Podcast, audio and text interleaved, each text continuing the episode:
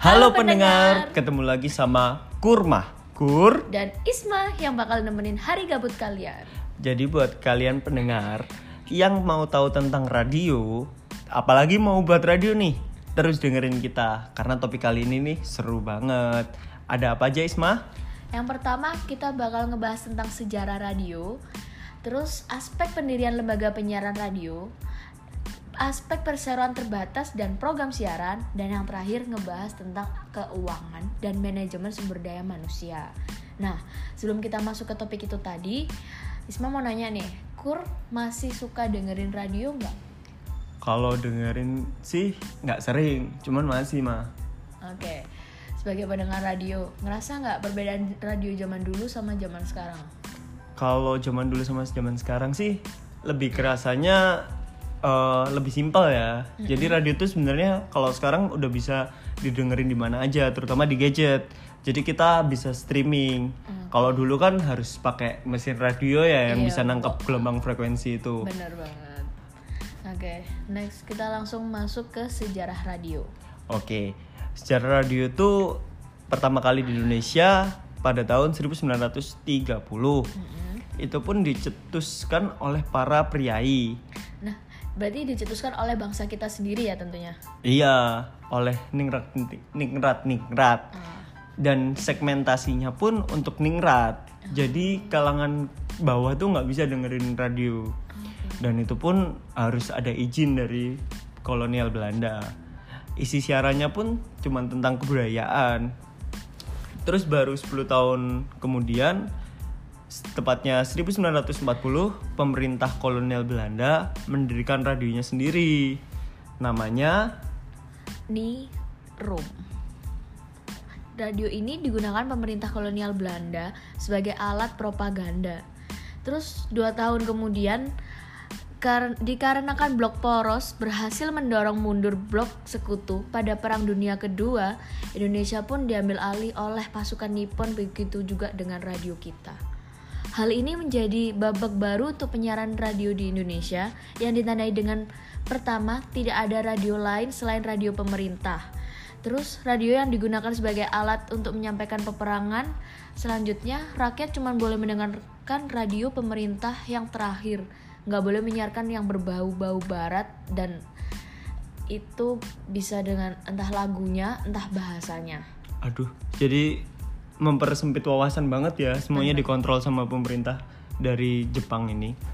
Terus senengnya nih pada tahun 1945 radio kita itu udah diambil alih sama Indonesia karena mengingat blok poros pun mengalami kekalahan besar oleh blok sekutu. Jadi Indonesia dilepaskan dan dimerdekakan setelah dimerdekakan, Indonesia bisa memproklamasikan kemerdekaannya melalui radio supaya terdengar di seluruh pelosok Indonesia. Radio tersebut yang sekarang kita kenal sebagai Radio Republik Indonesia atau RRI. Lah, pada tahun 1945 juga ini radio digunakan sebagai alat propaganda untuk pembangunan bangsa ini.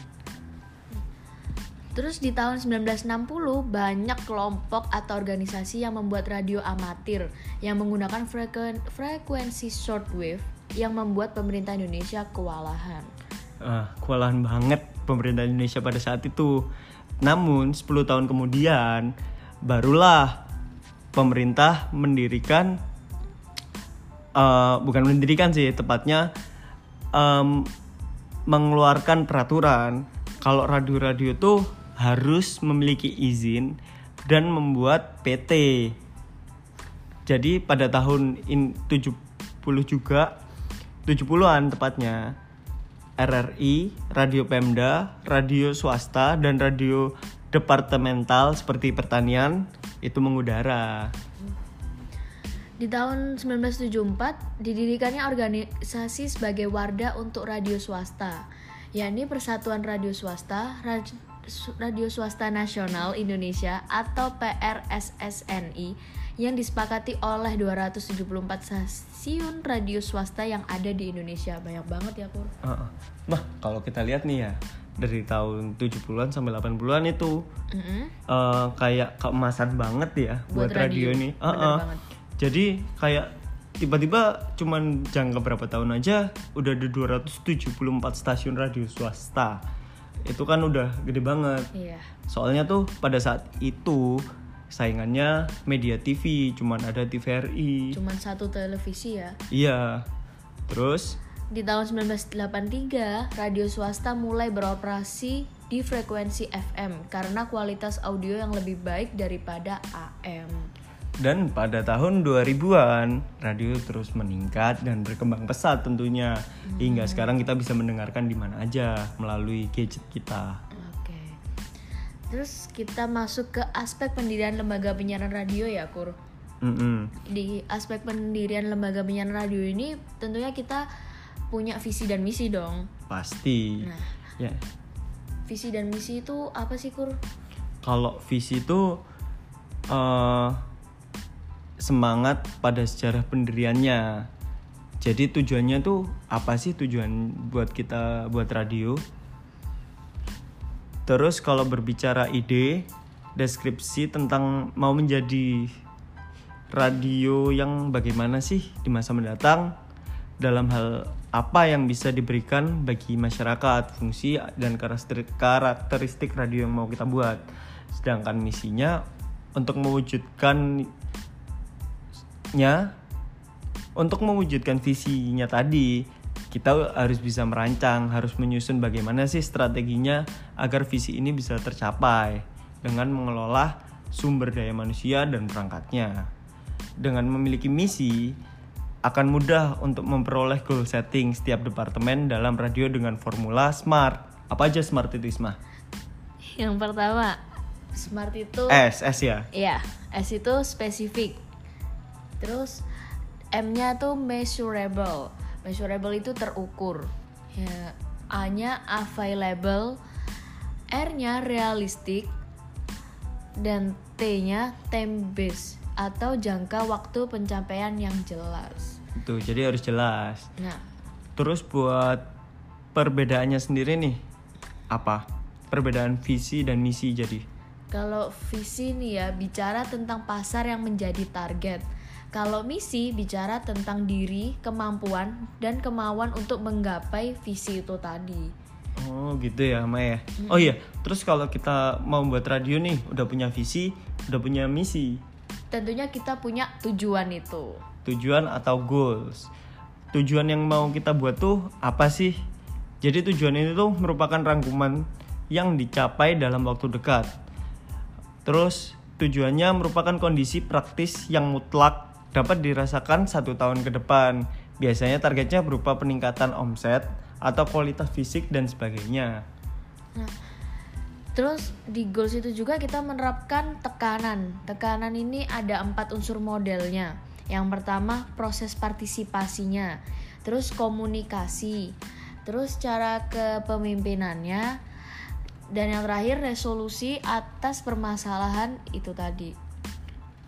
Terus kita masuk ke Aspek perseroan terbatas.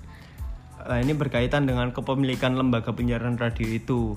Jadi seperti pemegang saham, latar belakang pemegang saham, dan besar saham masing-masing pemilik. Selain itu ada unsur permodalan seperti modal yang ditempatkan, modal yang disetor, dan modal dalam bentuk barang. Oke. Terus di aspek program siaran ada segmentasi target, format siaran, dan komposisi siaran. Nah, isi dari komposisi siaran itu hiburan, informasi, pendidikan, dan iklan. Tentunya, karena kalau isinya cuma informasi aja pasti bosen ya Kur ya. Iya, dan apalagi nggak ada iklannya, jadi nggak ada uangnya dong. Bener banget. Terus ini masuk ke aspek teknik. Aspek teknik itu harus mempertimbangkan dan merencanakan studio produksi dan siaran pemancar. Jadi nggak boleh asal-asalan nih. Apalagi udah ada peraturannya juga kan. Banget. Dan terus frekuensinya, menara, antena, feeder, terus sistem penghubung dari studio ke pemancar, wilayah jangkauan dan sebagainya. Wow. Semua ini berhubungan dengan aspek keuangan tentunya. Oke, next. Kita bakal ngebahas tentang uang-uang ini ya. Iya. Nah, di aspek keuangan ini apa, proyeksi pendapatan iklan itu item yang dihitung seperti penjualan Item, Mbak. Oh iya, Item. oke, sorry. penjualan airtime Item. Oh, airtime. Oh ya, sorry Airtime, sorry. Mas. Kelihatan Lanjut. nih kalau baca nih ya. Airtime, spot, harga bruto dan neto. Terus kinerja arus keuangannya proyeksi cash flow dengan memperhitungkan saldo awal kas, penerimaan kas, pengeluaran kas dan saldo akhir kas. Ribet banget gak sih, Kur? Ribet banget. Tapi kalau mau buat radio ya emang udah harus punya tekad dari awal ya, harus mau ribet. Tapi tentunya kalau buat yang hidupin radio sampai sekarang, jos banget deh. Sekarang ini ada aspek manajemen sumber daya manusia. Yang pertama ada struktur organisasinya, Jadi struktur organisasinya tuh harus jelas. data dan jumlah kepegawaian, Lah, ini berhubungan sedikit banyak dengan aspek keuangan. Jadi berapa pegawai yang kita butuh untuk event eh, efisiensi dalam pengolahan radio tersebut. Kalau kebanyakan juga bakal menguras uang, kalau terlalu sedikit bakal eh, pekerjaan itu bakal kasihan lah dan pekerjaannya pun nggak bakal bagus gitu. Terus data komersar, Komisaris. komisaris direksi dan yang terakhir penanggung jawab bidang siaran dan pemberitaan bidang teknik, usaha dan keuangan. Detail banget ya mau bikin radio itu kenapa radio sekarang bagus-bagus itu karena memperhatiin itu tadi ya aspek-aspek yang kita jelaskan. Ya tentunya kalau mau bersaing, apalagi di era modernisasi ini harus kayak gitu Isma. Bener banget tuh. Udah daripada banyak bicara lagi, kurma pamit dulu ya. See you, bye bye.